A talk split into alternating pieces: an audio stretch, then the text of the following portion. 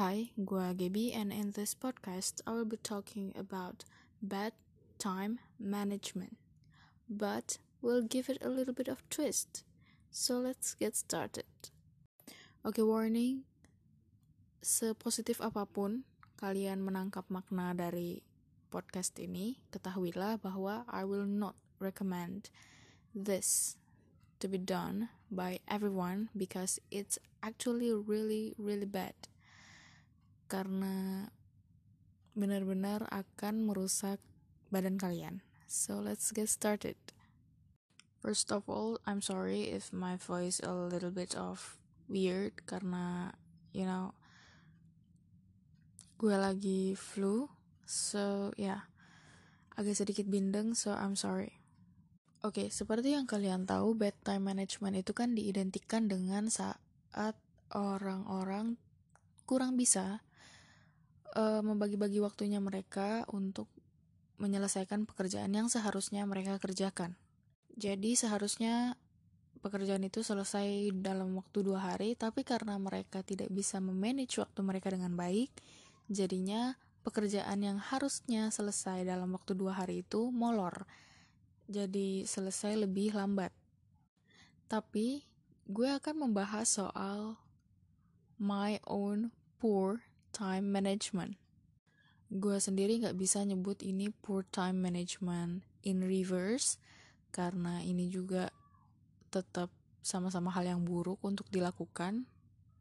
So, gue pikir gue akan menjelaskan dulu kenapa gue bisa bilang kalau gue punya poor time management, but in reverse dalam tanda kutip. Kalau misalnya orang-orang lebih uh, procrastinating their works alias menunda-nunda pekerjaan mereka, gue justru kebalikannya. Gue mengerjakan segala sesuatu dengan sangat cepat. Sampai-sampai orang-orang itu biasanya kayak accuse apa ya? Berpikir kalau misalnya gue itu mengerjakan sesuatu itu half-assed. Tidak sepenuh hati nggak benar-benar serius kayak asal jadi aja karena waktu gue yang sangat cepat dalam mengerjakan tugas itu. Padahal, padahal gue cuma punya poor time management aja.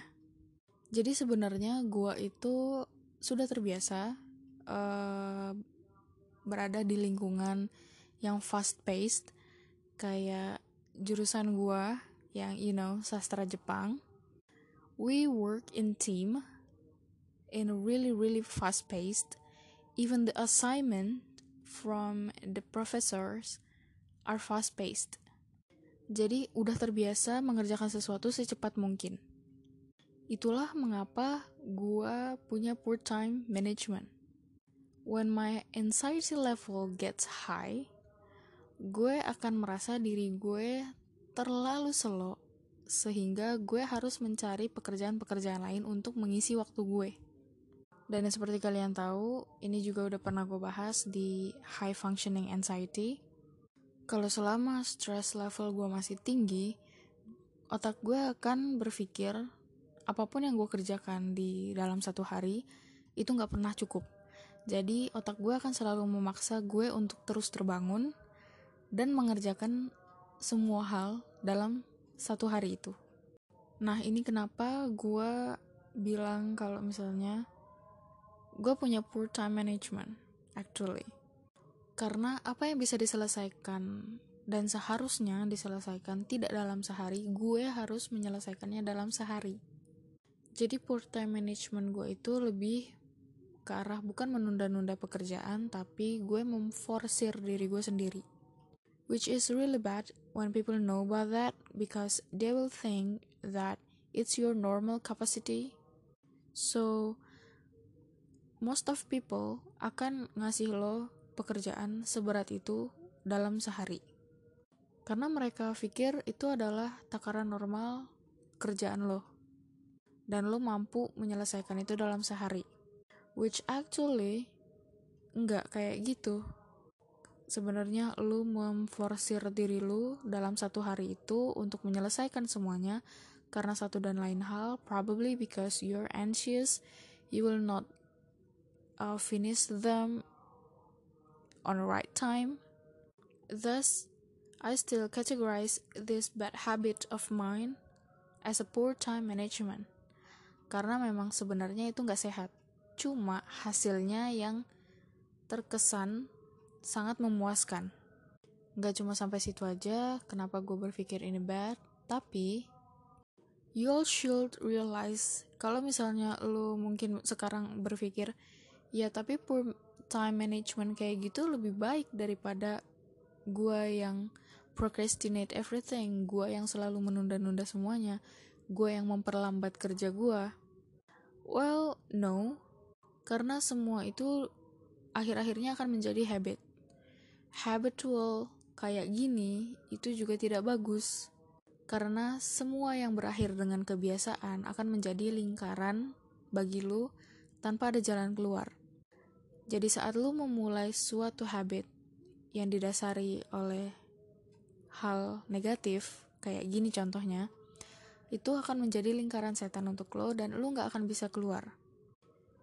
I personally still take time to stop this habit karena lingkaran setan ini sangat-sangat membuat gue sering drop because you know I overestimate my um, my skill, my health, everything. Dan itu sangat tidak sehat. Karena when I overestimate something, gue akan terus live up to that expectation. People may praise you about being so fast-paced, sangat-sangat efisien dalam bekerja, sangat cepat dalam mengurus sesuatu apa pun. But have you think about your health, your body, your brain, your mental? Karena mereka mereka adalah yang sangat dirugikan. You yourself are the one who's being in disadvantage. That's why dari awal gue mulai podcast ini, gue menekankan sekali lagi kalau poor time management gue walaupun berbeda dengan orang-orang, ini tetap sangat apa ya berbahaya karena you know sebenarnya kasarnya poor time management gue adalah workaholic. Tapi gue nggak mau pakai term itu karena gue pribadi nggak suka bekerja. Tapi di satu sisi lain gue selalu berpikir kalau gue orang yang paling unproductive. Sejagat raya. Did you get what I mean? Gue nggak suka dibilang workaholic dan gue juga benci jadi orang yang tidak produktif. So my brain kinda interpret this in a really really different way, which is resulted in poor time management. Dan fun fact, gue yang lagi flu ini juga adalah imbas dari uh, gue yang terlalu memforsir diri gue beberapa minggu belakangan ini. Ya karena satu dan lain hal yang tidak bisa gue tinggal juga. Dan gue berpikir semua adalah tanggung jawab gue dan harus gue selesaikan hari itu juga so yeah I'm down with a really bad cold right now. Flu. Um just everything. So please never take this poor time management as your goal to achieve your success. Gue tahu, gue ngerti, gue paham. Kalau misalnya lo berdalih dengan kayak ya tapi kan kalau untuk sukses lo harus kerja keras, lo harus benar-benar uh, serius, benar-benar put your heart. Ya tapi nggak gini juga.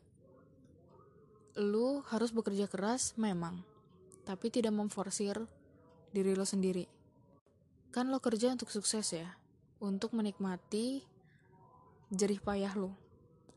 Bukan lo kerja untuk cepat mendapatkan uh, glamor, kekayaan dalam waktu yang singkat, sesingkat-singkat mungkin, dan mengorbankan semua kesehatan lo di akhir nanti. Sekarang coba mikir, kalau misalnya kayak gitu, apa nggak sama aja? Lu nanti jor-joran sekarang, terus akhir-akhirnya lu nggak bisa menikmati jeripayah lu juga sendiri. Jadi gitu, kalau misalnya lu mau produktif boleh, tapi tolong ditakar. Lu mau ngambisius boleh. Tidak ada yang uh, melarang orang untuk berambisi. Nggak apa-apa it's totally fine tapi lo juga harus tahu batasan-batasan diri lo sendiri batasan otak lo sampai mana batasan uh, tenaga lo sampai mana waktunya sampai mana itu kalian juga harus tahu karena badan itu bukannya nggak nurut sama kita tapi kalian sendiri yang menyugesti tubuh kalian untuk memaksa diri kalian sendiri. Jadi segitu aja, tolong maknai podcast ini dengan baik-baik, dengan matang-matang. Tolong juga uh, mengambil sisi positif dari podcast ini. Jangan semua langsung ditelan mentah-mentah. Yeah. I'm sorry I lost my voice. So yeah, I guess I'll end this podcast here. Thank you for listening.